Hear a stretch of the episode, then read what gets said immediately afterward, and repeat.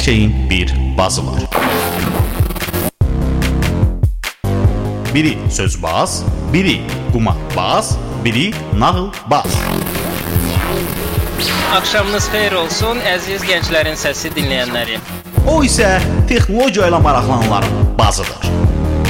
Beləliklə studiyada mən, Böyük Vahid Hər həftənin cümə axşamı texnologiya ilə maraqlananlar üçün Vahid Qasımovun təqdimatında Texno Bas.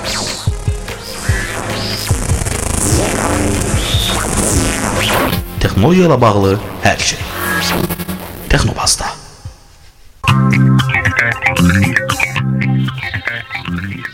Hər vaxtınız xeyir olsun əziz gənclərin səsi dinləyənləri. Cümə axşamı saatımız 21:15-i göstərir. İftara 10 dəqiqə qalıb və Gənclərin Səsi onlayn radiosunun efirində canlı olaraq yayımlanan Texnobaz verilişi artıq 36-cı dəfədir ki, efirdədir. Payızın yağışları altında başlayan verilişimiz qışın buzlu küləyindən və baharın nazlı günəşindən keçib yayın qızmar günlərinə qədər gəlib çıxmışdır. Bu qədər əziyyətli ə, günləri keçdiyimizə görə 36-cı verilişi efirə çıxartdığımıza görə bizə artıq zaval yoxdur. Biz çox dözümlü bir verilişik və bizi səbirlə qulaq asan dinləyicilərimiz də çox səbirli dinləyicilərimizdir. Buna görə biz bunlara təşəkkürlərimizi bildiririk. Bədbəxtçiliyindən bizi ilk dəfə qulaq asan insanlara nəzərinə çatdırmaq istəyirəm ki, Gənclərin Səsi radiosunun efirindəki Texnobaz verilişi texnologiya dünyasına marağı olan gənclərə dünyadakı və Azərbaycandakı texnologiya ə, yenilikləri haqqında məlumat vermək niyyətində olan bir ə, verilişdir. Bizim əvvəlki verilişlərimizə qulaq asa bilməmisinizsə, ə, üzülməyin. Ə, csr.fm saytına daxil olmaqla orada Texnobaz ə, arxivində bütün əvvəlki buraxılışları tapa bilərsiniz və onlara boş vaxtlarınızda internetdə qulaq asa bilərsiniz. Beləliklə 36-cı verilişə gəlib çatmaq və dediyim kimi ə, cəmaatın oruç tutduğu vaxtlarda belə tam belə iftar saatına 10 dəqiqə qalmış efirə çıxmaq ə, hər kəsə nəsib deyil və bizə qulaq asmaq da çətin bir məsələdir. Ona görə biz sizin üçün xüsusi bir qonaq dəvət eləmişik. Bu qonaq artıq bir dəfə ə, bizim qonağımız olmuşdu ə, və 36-cı verilişimizin Texnobazı Mr. Rəşaddır. Rəşad Əliyevdir. Çox belə nadir ə, ad və soyad birləşməyinə sahib olan də. bir insandır. Özünüzü ikinci dəfə artıq bizim efirimizdə təqdim eləyin və biz verilişimizə başlayaq. Başa salaq nəyə görə qonağımız sizsiniz və mətləbə keçək artıq. Hamını salamlayıram. Rəşad Əliyev İlk Addımlar layihəsinin rəhbəri. Yəni ilk addımlar. Biz bu gün ilk addımlar haqqında Web konfransının təşkilatı. web konfransının təşkilatçısı, ə, nə kimi İlk addımlar layihəsinin rəhbəri olaraq Webcom-un ə, təşkilatçısı olmusunuz. Webcom nə idi? Web konfrans, web texnologiyalara həsr olunmuş konfrans idi. Kim həsr eləyib onu ona? Web texnologiyaları ona həsr olunub. Biz bu həftə ümumiyyətlə web texnologiyalardan bəhs edəcəyik. E, Webcom onun kiçik bir hissəsini təşkil edəcək. E, Bu web konfransında nələrdən söz gedirdi? Təşkilatçılar kimlər idi? Nə vaxt baş verib? Nəyə görə bu gün onun haqqında danışırıq və s. Konfrans özü web texnologiyalara həsr olunub. Təşkilatçısı ümumiyyətlə beynəlxalq konfrans idi. Təşkilatçısı Azərbaycan ə, və ə, təşkilatı da iki ölkə olaraq biz keçirmişdik. Gürcüstan və Azərbaycanla bir yerdə keçirilmişdi. Yəni iki ölkə təşkil Bəli. elədiyinə görə beynəlxalqdır, yoxsa beynəlxalqdır Yo, amma ümumiyyətlə gələn iştirakçılar da beynəlxalq ə, xarici Ümumiyyətlə qonaqlar idi neçə və ölkədən qonaqlarınız var idi? çox deyildi, amma yəni 4 4 idi ya 5 ölkədən yəni qonaq var idi. Nə isə, yəni ki Hə. biz hansı ölkələrdən gəlmişlər? Hmm, ə, Amerika var idi, Wow. Gürcüstan, Wow, Azərbaycan, wow, sonrası yadımdan çıxıb. wow. Wow. wow. Amerikalılar Və belə qulaqsalar elə bilərlər ki, elə Amerikadan söhbət gedir. Çünki az Arizonanın şeyidir, G, nə bilim, deyib Hə. Yaxşı, Amerika var o şey beynəlxalq demək mümkündür buna, əlbəttə Bəli. ki, 100%. Əsas deməli mən elə başa düşdüm ki, təşkilatçı deməyək, ə, təşəbbüskar Georgia Gürcüstan, Gürcüstanın- yox, ə, hər iki, iki tərəfin təşəbbüsü ilə olmuşdu. Gürcüstan tərəfdən The Georgian University olmuşdu, Gürcüstan Universiteti Hı. və Azərbaycan tərəfdən ilk addımlar layihəsinin ə, təşkilatçılığı ilə ə, Gürcülər olmadan bunu eləmək mümkün deyildi. mümkün idi sadəcə olaraq Yəni biz- məndə belə kompleks yaranır ki, texnologiyaların mərkəzi Gürcüstandır. Yox, kompleks ə, əgər ə, texnologiyanın mərkəzi Gürcüstan olsaydı, tədbir özü Gürcüstanda olardı, amma tədbir özü Azərbaycanda keçirilmişdi və ə, Gürcüstanla bir yerdə etmək sadəcə olaraq ə, bir xarici, yəni ki, təşkilatçılıq praktikasını yoxlamaq idi və birlikdə yəni ki, iki ölkə ilə bir yerdə, yəni bir ə, ölkələrimiz arasında əlaqələri genişləndirmək üçün daha bir, yəni növbəti bir atılmış addımlardan biri idi. Alındı. Əlbəttə alındı. Konfransda neçə nəfər iştirak eləmişdi? Konfransda hardasa bir 200-ə yaxın iştirakçı var idi. 200-ə yaxın iştirakçını hara yerləşdirmişdiniz? Yəni harda Xəzər ə, tədbir özü Xəzər Universitetində keçirilmişdi. Aha, Ə, Bu ayın 6-7-si, iyul ayının 6-sı, 7-si keçirilmişdi. Yəni bir bir iki həftə bundan qabaq aha. və ə, yəni 2 gün ərzində, yəni biz yəni o qonaqlar ora gəlirdilər və yəni ki iştirak çıxışlarda da iştirak edirdilər. Ya konfrans cəmi 2 gün 2 gün davam elədi. Bəli, bəli. Səhərdən axşamacan. Aha. Yəni adətən konfranslarda belə bir şey müşahidə eləyirik ki, səhər insanlar çox olur, ondan sonra yavaş-yavaş günortaya yaxın azalmağa başlayır və axşamüstü 3-4 nəfərlə axırıncı sessiya sona çatır. Yəni burada da həmin ə, şeyi müşahidə etmək mümkün Yox, idi. Yoxsa 3-4 deyil də 30-40 nəfərlə yola salırdıq sonra. Aha, yəni 200 ilə başlayıb 30-40-a düşürdü daha sonra. Bu nədən asılı idi? Yəni konfrans maraqlı deyildi, yoxsa ümumiyyətlə nə hansı mövzuları əhatə eləyirdi həmin Ə, webcon? Ümumiyyətlə veb texnologiyalara həsr olunmuşdu. Bunun Məsəl içərisində ə, veb təhlükəsizliyi var idi. Sonra ə, veb standartlarından, vebdə müxtəlif şirkətlərin öz praktikasından danışırdılar. Ə, sonra vebdə marketinq mö mövzusu var idi, ödəmələrdən danışıldı və s. yəni ki, bu mövzularda müxtəlif ə, çıxışlar oldu. Vəsairini başa düşdüm. Bir xeyli ə, şey əhatə olunmuşdu Bəli. kimi gəlib mənə. Mən hal-hazırda ə, deməli çox qəribə adı var idi sizin saytınızın kavkasuswebcon.com. Casus. Aa, Hə, javcasus.webcom.com. Aa, Baxıram mən ə, deməli orada yerləşdirilən ə, məlumatlara baxmağa çalışıram daha doğrusu. Ə, Qeydiyyat qurtardı. Belə deyək, ə, konfransın haqqında ümumiyyətlə məlumat çox deyil. Proqramını tapmağa çalışıram. İlk səhifədə İlk səhifədə timetable. timetable.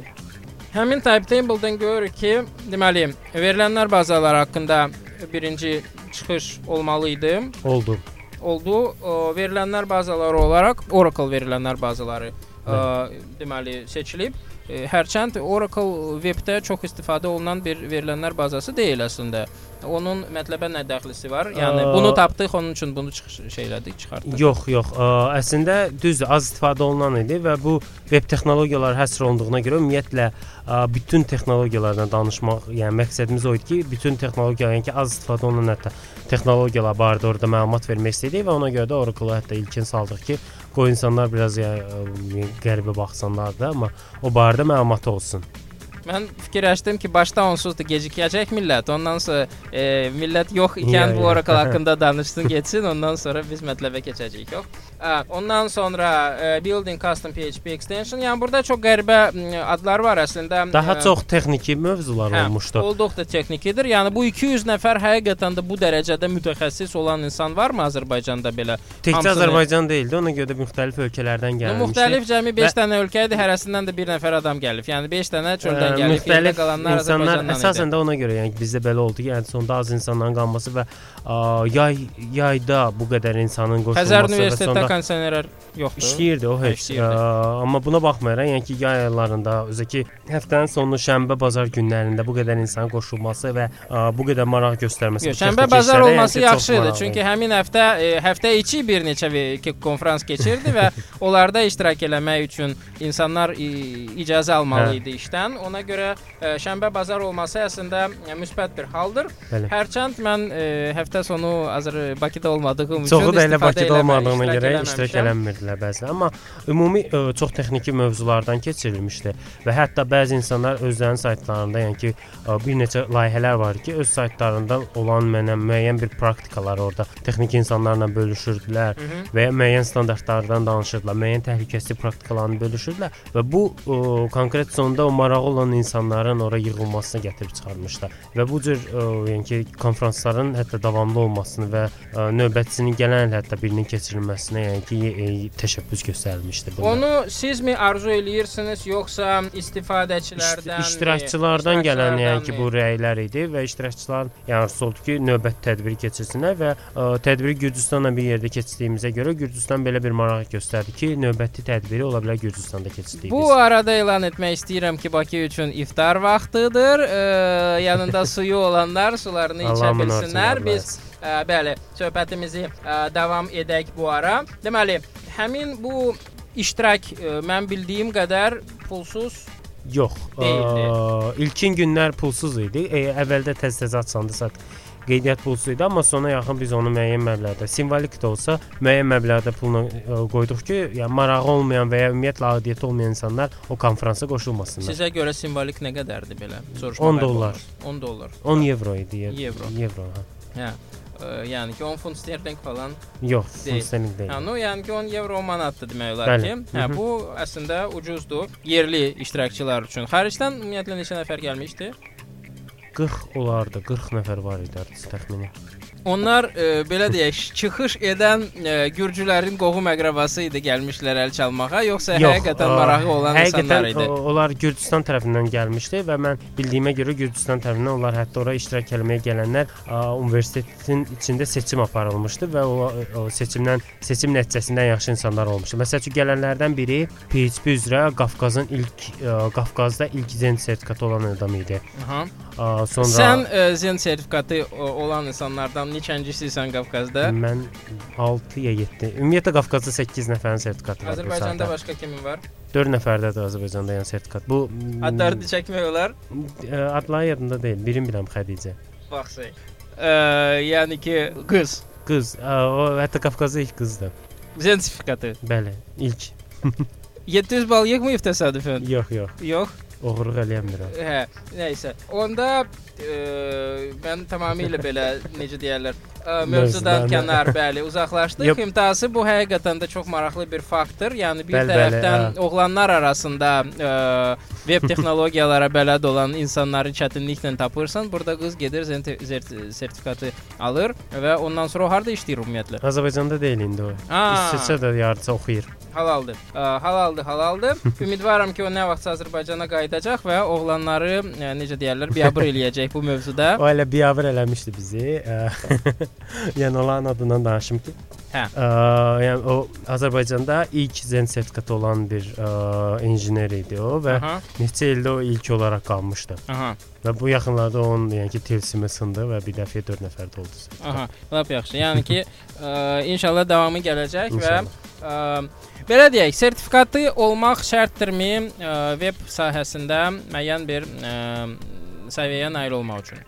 Ümumiyyətlə web ə, Və ümumiyyətlə ya özünün mütəxəssis olduğunu ə, sübut eləmək üçün sertifikat almağa şərti varmı? Əslində özünüz ə, bu başqa bir cür deyək, yəni ki, özünün ə, peşəkar olduğunu sübut etmək üçün sertifikat yox, hər hansı bir layihə və ya özünü göstərmək kifayətdir. Yəni bu ə, eyni cürdə mənə Microsoft-un mənə Bill Gates-i nümunə göstərmək olar ki, o heç universiteti bitirmədən, yəni ki, o boyda şirkət açdı və o ilə də özünün yəni, peşəkar olduğunu sübut etdi. Görəsən Ya Bill Gates-in yanda- Microsoft sertifikatı var. Hmm, Yəqin ki var o universitet. Maraqlı bir sualdır. Yəni bu ə, ya bu eyni cürdə yəni ki bu sertifikatların olması və s. sadəcə beynəlxalq səviyyədə artıq bir özünü ə, göstərmək kimidir. Amma bu bir söz var ki, geyimlə qarşılayıb ə, başla yola salırlar. Yəni onun kimi bir şeydir. Yəni bu geyimdir. Sertifikat geyim rolunu oynayır ki, sən əgər ə, sertifikatın yoxsa, sən hər hansı bir beynəlxalq şirkətə və nəsə sənə qarşılamağa biraz problem olur. Amma, Amma sonda son- lütfən. Sonra səni yola salmaq sənin təbii ki layihələrindən çox asılıdır. Amma hansı daha əhəmiyyətlidir, layihə yoxsa sertifikat? Yəni belə deyək də, sertifikata özünü hazırlaşdırıb axırda onu alanlar layihəsiz olsalar belə onların necə deyirlər, hörmətə ə, layiq deyillər. Əgər müəyyən vaxtdan sonra özünü göstərmirsə, yox əlbəttə. Təbii ki, o normal bir şeydir. Yəni elə də olacaq. Yəni bu Bəs yaxşı, axı zəhmətkeş insanlar da var ki, hansılar ki, ə, tutalım ki, həmişə hansısa şirkətdə işləyirlər, başqasının layihəsinin üzərində işləyirlər, həmişə pərdə arxası qalırlar. Ola bilsin ki, gözəl layihələri var, imtahası bu mənim layihəmdir deyə bilmir, çünki həqiqətən də orada sadəcə bir işçi statusunda idi. Onda yəni elə qoy orada da qalsın özü üçün yerində atılmasın. Deyirsiniz. Bəli. Yəni hökmən gərək özü bir layihə ortaya çıxartsın, özünü sübut Ya əgər onu eləsin. qanun eləyirsə o kifayətdir. Aha. Yaxşı. Onda insanları necə deyirlər sertifikatlara tərəfə itələməyək. Onların dalınca düşməsinlər, daha çox çalışsınlar ki, bir layihə ortaya çıxartsınlar. Hər tərəfli. Bir deyərdim. layihə üzə çıxartmaq üçün vebdə bu nə dərəcədə çətindir? Ümumiyyətlə belə deyək, küçədən keçən bir insan üçün nə dərəcədə realdır? Bunun üçün nələr bilmək lazımdır və onları ə, öyrənmək üçün ə, nə qədər vaxt sərf etmək lazımdır? Ümumiyyətlə bir şeyi öyrənmək üçün çoxlu səhvlər etmək lazımdır. Yəni Yəni web sahəsində isə 3 və 5 il vaxt lazımdır ki, müəyyən bir layihəni dirildib normal bir vəziyyətə sala biləsən. 3-5 il Arasında. sən öldürmüsən Rəşad. Azdır, çoxdur. Çoxdur. İnsanlar biləcəklər ki, Normaldır. 5 il şey eləmək lazımdır. Hə. Tərləmək lazımdır. Ümumiyyətlə heç bir layihəni e, heç kim e, webə buraxmayacaq. Hər kəs fikirləşir ki, mən bu günləri sayt açıram, bir gün sonra mənə reklam verəcəklər, mən Mercedes alacağam. Ə, səhv fikirdədirlər. Yəni o cür o element üçün təbii ki, əgər onlar çox pul buraxılarsa, yəni elə də olacaq. Amma ə, az pulla bu və ya ə, heç bir təcrübəsi olmadan, yəni ki, bir günə və ya hətta bir aya və ya hətta bir ilə bir nəticə əldə etmək çətin bir şeydir. Aha. Ə, çətinləri ə, həll etmək necə deyirlər, ə, daha əhəmiyyətlidir. Asan şeylərin dalınca hər kəs düşə bilər, hər kəs edə bilər. Onun üçün çətinlərlə ə, savaşmaq daha maraqlıdır yaşam üçün ən azından. Peki. Və ə, yenə də mən sualıma qayıtmaq istəyirəm. Çünki ə, bir ə, dəfədə 3-4 dənə sual verdim. Ona görə bir dənəsinə cavab verdin və suallar səpələndi. Belə deyək də, uğurlu, səviyyəli, maraqlı bir veb layihəsini ortaya çıxartmaq üçün ümumiyyətlə bunun üzərində neçə nəfər adam işləməlidir və ya neçə fərqli işi bilən bir insan işləməlidir ki, o ərsəyə gələ bilsin. Yəni veb texnologiyalar deyəndə nələr ümumiyyətlə istifadə olunur hal-hazırda veb layihələrində? Əslində ə, müəyyən bir uğurlu layihəni xoda salmaq üçün 1 nəfərdən 100 nəfərəcən ola bilər. Bu işin ağırlığından və ya yəni məsuliyyətdən asılı deyil. Sadəcə o işi bacarmaqdan çox şey asılıdır. Çünki ə, nümunə olaraq yəni Facebookdan və ya mən həm Nginx layihəsindən göstərmək olar ki, bu layihələrin üzərində 1 nəfər işləyib və ya Google-da 2 nəfər işləyib və ya nəsə belə bir şeylərlə başlayıblar. Başlanğıcda. Başlanğıcda müəyyən vaxtdan sonra layihə yox, Nginx hətta indi də bir nəfərdir. Müəyyən vaxtdan sonra onlarda yəni biraz işləyib müəyyən gəlir əldə gətirəndən sonra artıq o müəyyən işləri müəyyən insanlara tapşırmaq lazımdır. Bu ə, yəni bir insan hamısını bütün işləri bacara bilər, amma ki böyük obyemdə olduqda o işlər, yəni ölçüsü çox böyük olduqda o bir təbii ki o bacara vaxta görə o time managementinə Hə, var. yaxşı, o işlər hansılardır? Məsəl üçün o bir dənə əjdaha kimi bütün işləri bacaran insan hansı işləri görməlidir ki, layihə üzə çıxsın? Otağı süpürməkdən tutmuş proqramın ə, çətin Otağı alqoritmlərin qurulmasına. veb qədər. texnologiyası olmadığına görə onu kənara Yaxşı. qoyaq. Veb texnologiyalar hansılardır ki, Adi müasir HTML səhifəsindən tutmuş, Aha. ə, adi kodinqindən tutmuş, ta ki onun peşəkar, yəni ki, ə, çətin alqoritmlərin qurulmasına qədər gedə bilər. Vaxtsay. O dərəcədə hər şey mürəkkəbdir. Təbii ki, amma Bunu bacarmaq üçün nə etmək lazımdır? BDO-nun tətbiqi riyaziyyatı bitirmək şərtdirmi, yoxsa ə, özün məsələn marağın varsa oturub internetdən nəsə tapıb və kitabla öyrənmək mümkündürmü? ə, universitet qurtarmaq barədə belə bir şey deyim ki, əslində Bill Gates universiteti qurtarmır. Onu O heç onu bildim. hə. Mən başqa şey deyirəm. Əslində belə bir şey var. Yəni ə, tətbiqi riyaziyyat da bəziləri, yəni Azərbaycanda tətbiqi riyaziyyat olaraq deyirlər. Amma bu tətbiqi riyaziyyat deyil. Ə, və ya digər sahələrdə də işləyən adamlar var ki, hətta tibb sahəsində və ya ə, mühəndis, ə, yəni ki, iqtisadiyyat sahəsində işləyənlər də var ki, bunlar gəlib yəni proqramist olublar, amma sonda müəyyən çətin alqoritmlərin qurulmasında çətinliklər çəkiblər, çəkirlər. Ə, bunun əsas səbəbi tətbiqi riyaziyyatı yox, riyaziyyatı bilmək kifayətdir. Riyaziyyatın dərinliklərini məktəb səviyyəsində yox, universitet səviyyəsində bilmək kifayətdir bunu. Aha.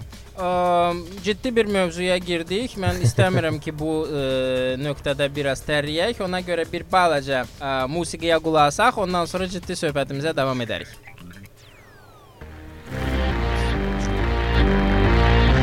You say you're on it, but you just don't know. You spend the money like you're on death row. You must be miseducated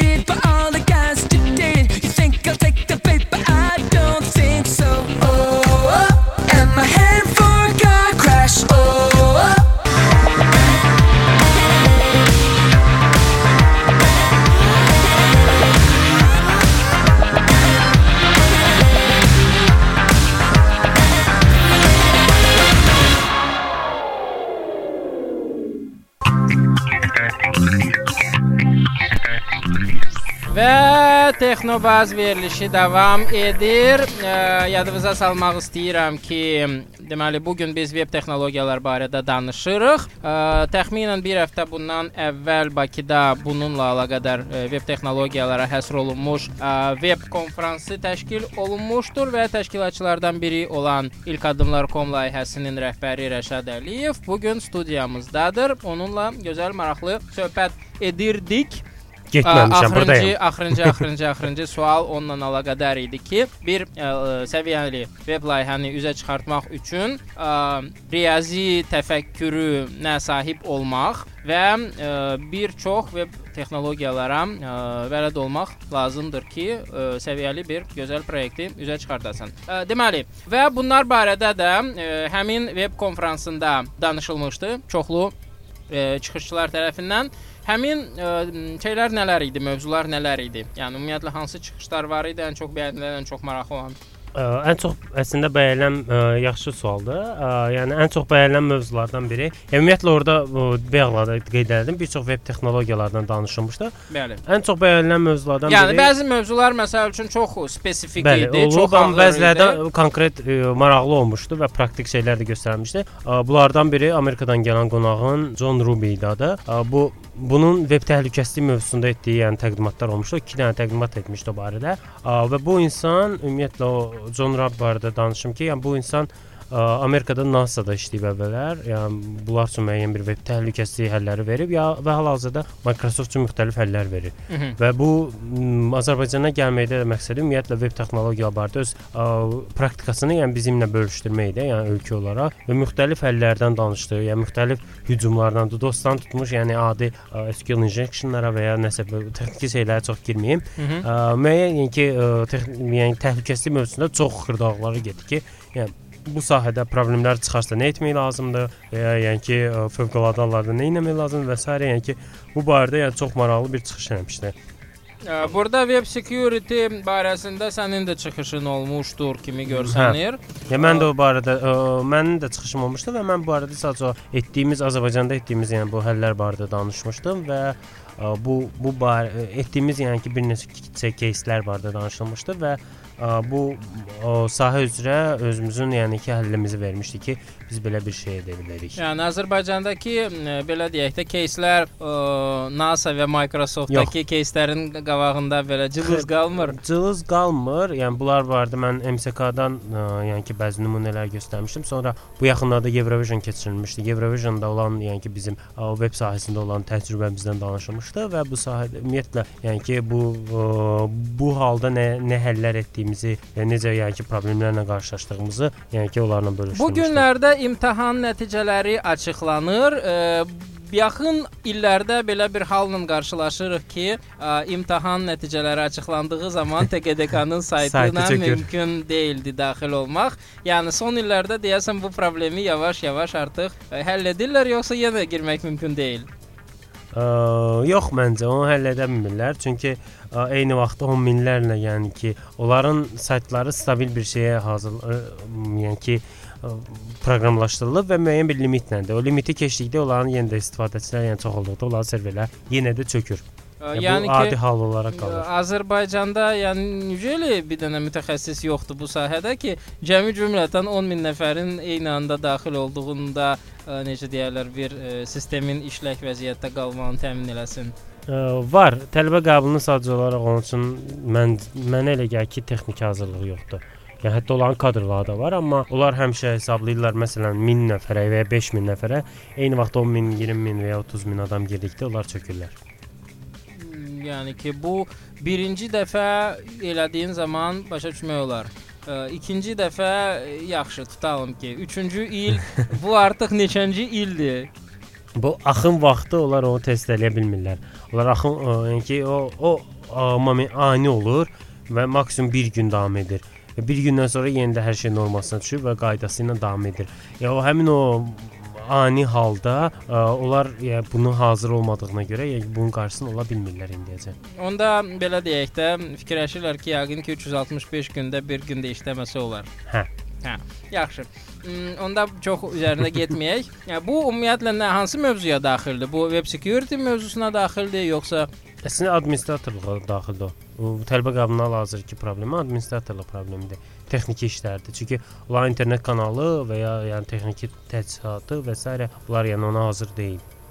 Yəni ki, pul xərcləmək lazımdır ki, yeni serverlər alınsın, Təbii yeni kanal Yeni ayrılsın. kanal ayrılsın, yeni firewalllar bölünsün, mənəm və s. Onların internetini şey Azədunet və ya bilmirəm kim verir. Yəni hər halda o günü daha çox verə bilərlər. Və ya 10 qat, 20 qat çox verə bilər. onlara təklif olunsa bir həll olaraq ki, gəlin sizin probleminizi bir dəfəlik həll eləyək, yəni buna razı olmazlar səncə? Azərbaycanda bir neçə dövlət orqanı var ki, bütün həlləri özləri eləmək, özləri və ya konkret bir hər hansı bir şirkətə vermək konkret istəyir. olaraq Bunlardan da görürsən biri- ki, bacarmırlar da. Bunlardan biri də ki. tələbə qəbuludur ki, onların özlərinin böyük bir ə, ştatı var ki, onlar konkret proqram təminatı ilə ə, və bu cür ə, yəni işləri görməklə məşğul olurlar. Mhm. Yəni çölə vermək istəmirlər. Özlərinin bir- kadr ştatı var və onlar o, o tərəflərin xırdaqlarını bilmirəm və ümumiyyətlə məşğul olmamışıq biz oyuna. Yaxşı, onda be, be, belə şeyləri yada salmayaq. Keçək qayıdaq bizim mövzumuza. Webcom-da security-dən başqa hansı maraqlı çıxışlar olmuşdu? Ya ümumiyyətlə mən onu müşahidə eləyirəm ki, Amerikalılar, spikerlər adətən çox ə, yaxşı hazırlaşırlar və çox maraqlı bir şəkildə təqdim eləyirlər hər hansı bir mövzuyu, mövzudan asılı olmayaraq. Çox maraqlı keçmişdi. Ondan sonra digər mövzu ə, standartlar barədə olmuşdu. Bu Yandex-in işçisinin ə, yəni təqdimatı olmuşdu. Bu insan düzdür, gələ bilməmişdi, amma Skype-dan bizi üçün təqdimat eləmişdi və çox maraqlı bir ə, yəni ki, HTML standartlarından və HTML5-in yəni gələcəyindən və s. danışılmışdı. Yəni ə, bu standartlar barədə danışmışdı. Ondan başqa sonra Ə, Bu ara e, Yandex bu yaxınlarda Türkiyə ofisini açmışdı və Türkiyədə olduqca aktivdirlər. Yəni ki, Bəli, bəli. Azərbaycan ofisi açma niyyətləri yoxdur təsadüfən. Yoxdur. Çünki bu auditoriya anlayışı var. Yəni ki, Azərbaycan auditoriyası çox az auditoriyadır. Ona görə də Azərbaycan Azərbaycana onlar fikirləri yoxdur. Və digər bir mö- maraqlı mövzu, ə, yəni Fərd İsmayılzadənin olmuşdu. Bu hesabaz portalı barədə danışmışdı və onların ə, ümumiyyətlə yəni ki, xaricilər çox Ümumiyyətlə bütün orada iştirak edənləri çox maraqlandırmışdı. Yəni ki, tez 1-2 ilin layihəsi olmasına baxmayaraq, yəni ki, bu cür ə, yəni ki, nəticələr göstərmişdi. Ondan başqa ə, sonra My Video Az saytı var, yəqin ki, bilirsiniz. Onlar gürcülərin ITDC qrupunundur. Onlar özlərinin yəni ki, bu layihədə düz texniki mövzu idi daha çox. Bu bu bu sahədə necə yəni ki, gələn trafiki necə bölüşdürmələri və necə bir ə, layihəni necə inkişaf etdirmələri barədə özləri danışmışdılar. Yəni bil- bilirsiniz, bilmirsiniz, bu la- My Video Az hardasa 1 il 1 il olar ki, Azərbaycandadır və buna baxmayaraq yəni onlar Gürcüstanda neçə ildir, yəni ə, iştirak ə, neçə ildir Gürcüstanda gedir, layihə ə, davam edir və bu müddət ərzində onlar müxtəlif praktikalar müxtəlif hücumlar və ya müxtəlif trafik görmüşdülər və bunlar barədə öz təcrübələrini yəni ki, Azərbaycandan bölüşdürmüşlər. Gürcüstan tərəfdən gəlib çıxışlar olmuşdu bu barədə. Və s. Burada mən tanış adları görürəm çıxışçılar arasında. Ramin Orucev, Hə. ondan sonra ə, Ceyhun İmanov, ondan sonra başqa Vüsal Xəlilov. Vüsal Xəlilovu tanımıram. Ə, Onun çıxışı nə barədə idi? Vüsal Xəlilov ə, CRM barədə danışmış. O Ramin Orucovun işçisidir o, hələ həmçində Azərseldə. Və o orada yəni ki, ümumiyyətlə yəni ki, Ramin Orucov isə RESTful xidmətlər barədə danışmışdı. Müəyyən veb xidmətlərinin yəni ki, ə, barədə çıxış eləmişdi. Sonra Ceyhun Umanov ekosistem barədə danışmışdı. Çox maraqlı bir təqdimat olmuşdu. Bunun ə, ekosistem deyəndə, Hmm, ekosistem ümumiyyətlə yəni ekosistem- ekologiya nəzərdə Yox, yox, tutulur. ekosistem deyilir bu. Ə, o barədə yəni ki, təqdimatda olsaydı mən video çəkmişik ya yox. Təqdimatda olsaydı baxar çox maraqlı bir mövzuda çıxış olmuşdu. Yəni My Video iştirak eləyirdisə, yəqin ki, onları cəlb etmək olardı ki, hamısını Onlar bəzilərini çəkdilər, sonra internet müəyyən bir internet problemləri olduğuna görə, internetin sürəti zəif olduğuna görə Super. yərdən saxlamışlar. Web Web konfransı konfransında internet vahid mənbə ona görə problemi. dedim ki, yəni ki, ə, bəli, müəyyən bir ə, texniki problemlər yaşanmışdı. Bura Azərbaycandır. Bəli. Bu sizin təşkilatçı olaraq probleminiz idi, yoxsa Xəzər Universitetinin problemi idi, yoxsa kimin problemi idi? Əslində mən deyə ə, Yoxsa heç providerın həmişəki kimi problemi idi? Yox, heç birini ə, günahlandırmazdım. Ə, Əslində günahı biraz bizim vaxt tərəfdən düzgün yanaşmamamızda görərdim. Çünki yay tətilində bir çox sponsorlar tapmaq və ya müəyyən bir texniki işlərlə məşğul olan adamları axtarıb tapmaq çox problem olur. Onun internetə nə dəxli Çünki var? lazım olan insanlar Vaxtında axtarıb pulunu ödəməmisiniz, Yox, internetinizi yox. ə, kəsiblər. İnternetin sürəti var idi, sadəcə çox az idi. Yəni internetin sürətini artırmaqsa lazım olan insanları axtarıb tapa bilmirdim. Hə, nə isə. Bir də olmasın deyək və çalışaq ki, ə, siz ümumiyyətlə nə fikirləşirsiniz? Bu webkomu ə, hansı sıxlıqla ə, təşkil etmək olar? İldə bir dəfə, rübdə bir dəfə, ayda bir dəfə. Planlarımıza görə biz bunu ildə bir dəfə etmək istəyirik, amma ə, bu tədbirdə bizə Rabitə Nazirliyi, yəni söz vermişdi, Məncə dəfə dəstək, ə, s- dəstək olmadı Rabitə Nazirliyi bu dəfəki tədbirdə. Hı -hı. Amma tədbir bitdikdən bir müddət sonra bizə zəng gəlib, ə, hətta ilin sonunda bu eyni mövzulu bir konfransın, yəni ki, davamlı olma, yəni ki, ikinci birini keçirmək barədə bir təklif verdilər bizə. Aha. Ə, bu təklifi qəbul eləmisiniz yoxsa Qəbul etmişik. dediniz ki, Nazla belə biz hələ fikirləşəcəyik bu barədə. Hmm, qəbul etmişik biraz onun üzərində əslində ə, təşkilatlı işlər barədə hələ fikirləşməmişik. Çünki ə, müəyyən momentlər var ki, onlar danışıb ondan sonra qərar qəbul etmək Çətin lazımdır. məsələdir belə bir şey təşkil eləmək. Ə, çətinlik ə, təbii ki, ümumiyyətlə siz də özünüz olmusunuz bizim konfransların təşkilatında, yəni barkamplarda olmusunuz. O asan idi. o- Bir həftə ərzində düzüb Bütün işləri gerirdi, amma ə, müəyyən çətinliklər həmişə olur. Yəni ki, biz çətinlikdən qorxan insanlar deyilik. yox. Ə, və Hələ yəni Rabitə Nazirliyi dəstək edirsə, ümumiyyətlə qorxmağa Ümumiyyətlə heç bir dəyməz. şeydən qorxmaq lazım deyil. Yəni ki biz ə, biz üçün yəni ki çətin bir şey yoxdur bu tədbirləri təşkil etməkdə.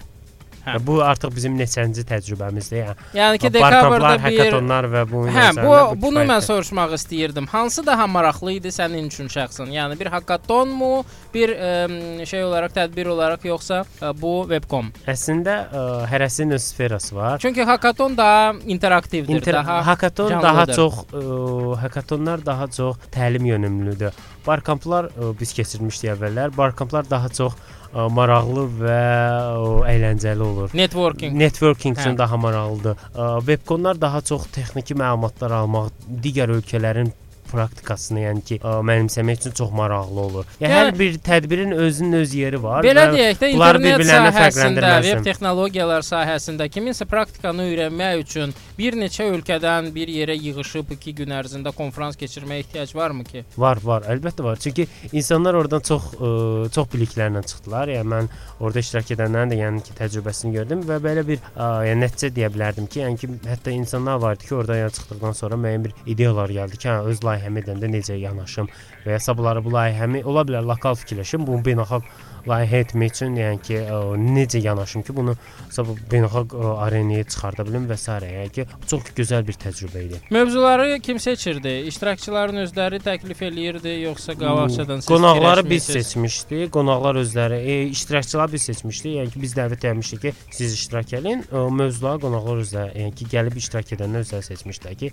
biz bu mövzuda çıxışlar edəcəyik. Amma təxmini biz onlara mövzu vermişdik ki, a, ümumi mövzu veb texnologiyalardır. Yəni elə insanlar. Bəs ki, iştirakçıları necə seçirdi? sənin bu- iştirakçılar daha e, çox spikerləri də doğrusu. spikerlərdən söhbət gedirdi. Yəni ki, biz mən də barədə dedim ki, yəni spikerlər biz Yəni əl çatan olanları dəvət eləyirdiniz, yoxsa Hmm, yox, biz ə, əlçatan yox, biz bütün şirkətlərə müraciət edirdik ki, məsələn, Oracle-a müraciət etdik ki, bizə siz bizə sizdən spiker lazımdır. Onlar öz spikerlərini göndərdilər. Və ya Microsoft-da Microsoft ə, son momentdə kansel olmuşdu. Ə, o Yandex-ə məsələn incirdə, yəni müraciət olmuşdu və o öz spikerini göndərmişdi. Hı. Ə, Məsəl üçün Oracle haqqında yox, məhz MySQL haqqında danışsaydılar, hər ikisi də eyni şirkətin məhsuludur. Mhm. Necə olsa, yəni bunu xahiş eləyə bilməzdiniz ki. Yox, bunu biz ə, onun ixtiyarına vermişdik ki, özünüz seçin özü. Hı -hı. Yaxşı. Onda ə, ikinci konfransda İnşallah çox xahiş eləyirəm, çox xahiş eləyirəm. Bəli, maraqlı Mənim olsun. xüsusi suallarım olacaq bu. Hə, ə, bu sual demişkən, bu konfransda iştirakçılar tərəfindən, daha doğrusu dinləyicilər tərəfindən sual vermə ixtiyarları var idimi? Belə bir şərait Bəli, yaratmışdınız bəli. Hətta belə bir şey yaratmışdıq ki, ə, belə bir hətta yarışma da keçirmişdik. Ən çox sual verən iştirakçıya bizdə bir ə, dəstək olan şirkət var idi, Huawei şirkəti. Bunların device-ları var idi, Hı -hı. planşetləri. Ən çox sual verən hətta iştirakçılardan, iştirakçılardan kim çox sual versəydi spikerə, ona o Onları necə sayırdınız? Kim sual verirdi, ona bir spişka verirdiniz? Yox, Sonra ə, kimin biri adam var idi, o qeyd eləyirdi orada və ən çox sual verən Gürcüstan tərəfdən idi. Hı -hı. O device apardı Gürcüstana.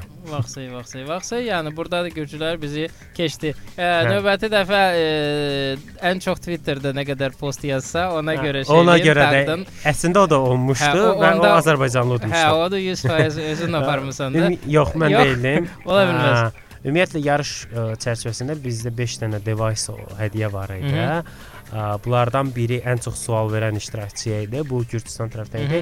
Biri ə, yarışma vaxt, e, tə- tədbir vaxtı ən çox tweet atan iştirakçı idi. Mhm. Bu Azərbaycanlı olmuşdu və 3 nəfərə də sadəcə olaraq müxtəlif mobil telefonlar idi. Nokia modelindən olan Lumia-lar 520, 620, 720 Lumia telefonları mobilin dəstəyi ilə və o ən çox o, yəni ki, o orada yəni iştirak vaxtı sona qalanlar arasında, yəni sonda ə, yarışmanın sonuna qalanlar arasında lotereya keçirilmişdi və 3 nəfərə, yəni ki, həmin o device-lar verilmişdi. Hə, hələ yəni ki, konfrans deyə deyə iki daşın arasında hələ Hədiyyələr də Hə, hədiyyələr də paylanmışdı. paylamısınız. Başqa hansı maraqlı məqamlar olub həmin konfransda?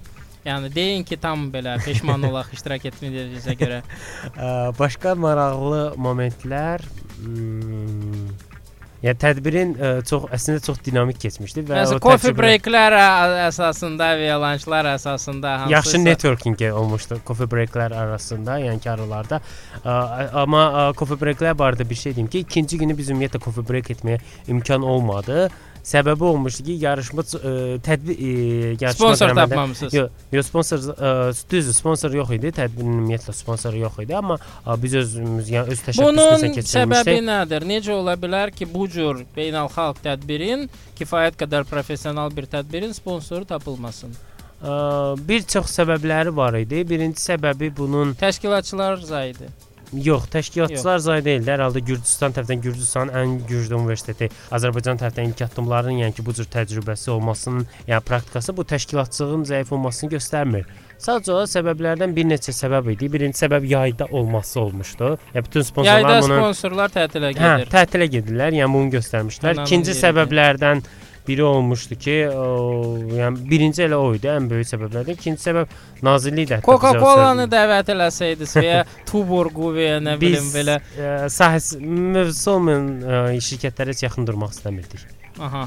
Əslində niyə ki, hər kəs Coca-Cola içir. Ona görə onlar üçün Coca-Cola sərhəd tanımır. sərhəd tanımır, amma webdə olarlıq deyil. Nəysə, webdə olarlıq deyil. Webdə olanlar da orada iştirak edirdilər. Yəni ki, sponsor kimi yox, məhz ə, çıxış edirdilər. Çıxış edənlər çox maraqlı çıxışlar idi. Yəni bu Fəridin məsəl üçün praktikan bölməsi ən azından orada statistik rəqəmləri göstərməsi elə nəyə söz deyir. Yox, Fəridin ümumiyyətlə bu sahədə praktikası yüksəkdir, çünki elə Amerikadan Hə, olan həftədə bir problem çıxır. Onda da mən adətən e, Facebookda post edirəm. O da ki, onu görən kimi ayağa düşür. Yəni ki, bayaq demisən ki, problemlərin çıxması lazımdır ki, təcrübə qazanasan. Yəni bu sahədə təcrübələri ə, kifayət qədər genişdir. bir Ona neçə görə hətta paylaşmağa ə, bir neçə hətta spikerin da mövzusu olmuş ki, bu web developmentdə daha çox PHP-yə yönəlmişdi bəzi çıxışlar. Hı -hı. Ə, frameworkların seçimi, yəni ki, arasında, yəni ki, qalan insanlar var. Məsəl üçün Y və ya Code Mhm. Igniter və s. Ya bunlar barədə müxtəlif statistik məlumatlarla çıxışlar olmuşdu. Yəni hətta ə, belə deyək, mənim hesablamama görə artıq 3 dənə ən azı çıxış, ya bu o, yəni ki, frameworklar barədə olmuşdu ki, yəni ki, siz framework seçərkən hansını seçməyi daha məsləhətdir və ya ümumiyyətlə layihəyə başlayar başlayarkən framework üzrə başlayır. Hətta My Videos çıxışında danışmışdıq ki, Mhm. framework başlayarkən yoxsa öz sıfırdan yazma frameworkların nə fərqləri olmuşdu və nə problemlərlə qarşılaşmışdılar. Mhm. Ya bu çox gözəl bir təcrübə idi. Yəni onlar ə, hər halda My Videonun yəni ki, Gürcüstan tərəfindən olan trafiklərini onlar göstərəndə, yəni ki, bunlar ə, yəni ki, orada gələn trafik Azərbaycanda heç bir saytda bu saat o qədər trafik yoxdur Mhm. və bu trafik üzərindən onlar necə Yenə də biz nəticədə göstərmir. görürük ki, ə, Gürcüstan internet istifadəçiləri daha aktivdir. Daha aktiv və daha texniki tərəfləri daha çox bilirlər. Bunu Biz nəyə bağlayırsan? Bu Azərbaycanda nəyə görə həm mütəxəssis nöqteyi nəzərdən biz problem sıxıntı yaşayırıq, həm də ki bizim belə hətta normal istifadəçilərimiz belə ə, o qədər aktiv deyil. Yəni bizdəki bu yavaşlamağa belə bəziləri vardar eləyən ə, analoq olmayan inkişaf ə, nəyə görə ə, imkan vermir ki, heç olmasa internetdə, heç olmasa Gürcüstan kimi olaq. Yəni özünüz fikirləşin də. Əslində bizim internetimiz onlardan da güclüdür bəlkə də. Bizim istifadəçilərimiz onlardan da güclüdür. Sadəcə bizdə istifadə olunan sayt Facebookdur. Aa, yəni sosial şəbəkələrdən xəbər e, dedikdə və ya ən çox istifadə olunan saytlar xəbər saytlarıdır. Aa, bunun bir çox səbəbləri var. Yəni birinci səbəbləri bəlkə də ola bilər ki, müxtəlif ə, yəni ki, xırda layihələrə çoxlu büdcə ayırır və ya böyük layihələrə çox az büdcə ayrılmasından gəlib çıxa bilər. Düz biraz ola bilər qarışıq danışım, yəni fikirlərim yəni ki, kiməsə çatmaya bilsin. Amma ə, müəyyən səbəblər var ki, və ya müəyyən bir ə, maneələr var ki, bu maneələri ə, ki ə, öhdələmək üçün bizə illər lazımdır. Beləliklə sübut etdik bugünkü söhbətdə ki, Azərbaycanda da informasiya telekommunikasiya texnologiyaları, xüsusilə də internet sahəsində bir xeyli inkişaf var və daha da güclü inkişaf gözlənilir. O da ki, ə, 2013-ün İKT ili elan olunmasını bir daha sübut edir. Ə, Mən inanıram ki, həmin inkişafda dinləyicilərimizin də müəyyən bir rolu olacaqdır və biz növbəti tədbirlərdə onlarla da görüşə biləcəyik. Hələlik isə bizim verilişimizin vaxtı sona çatır. E, sağollaşmaq istəyirik. Hər kəsə uğurlar arzulayırıq.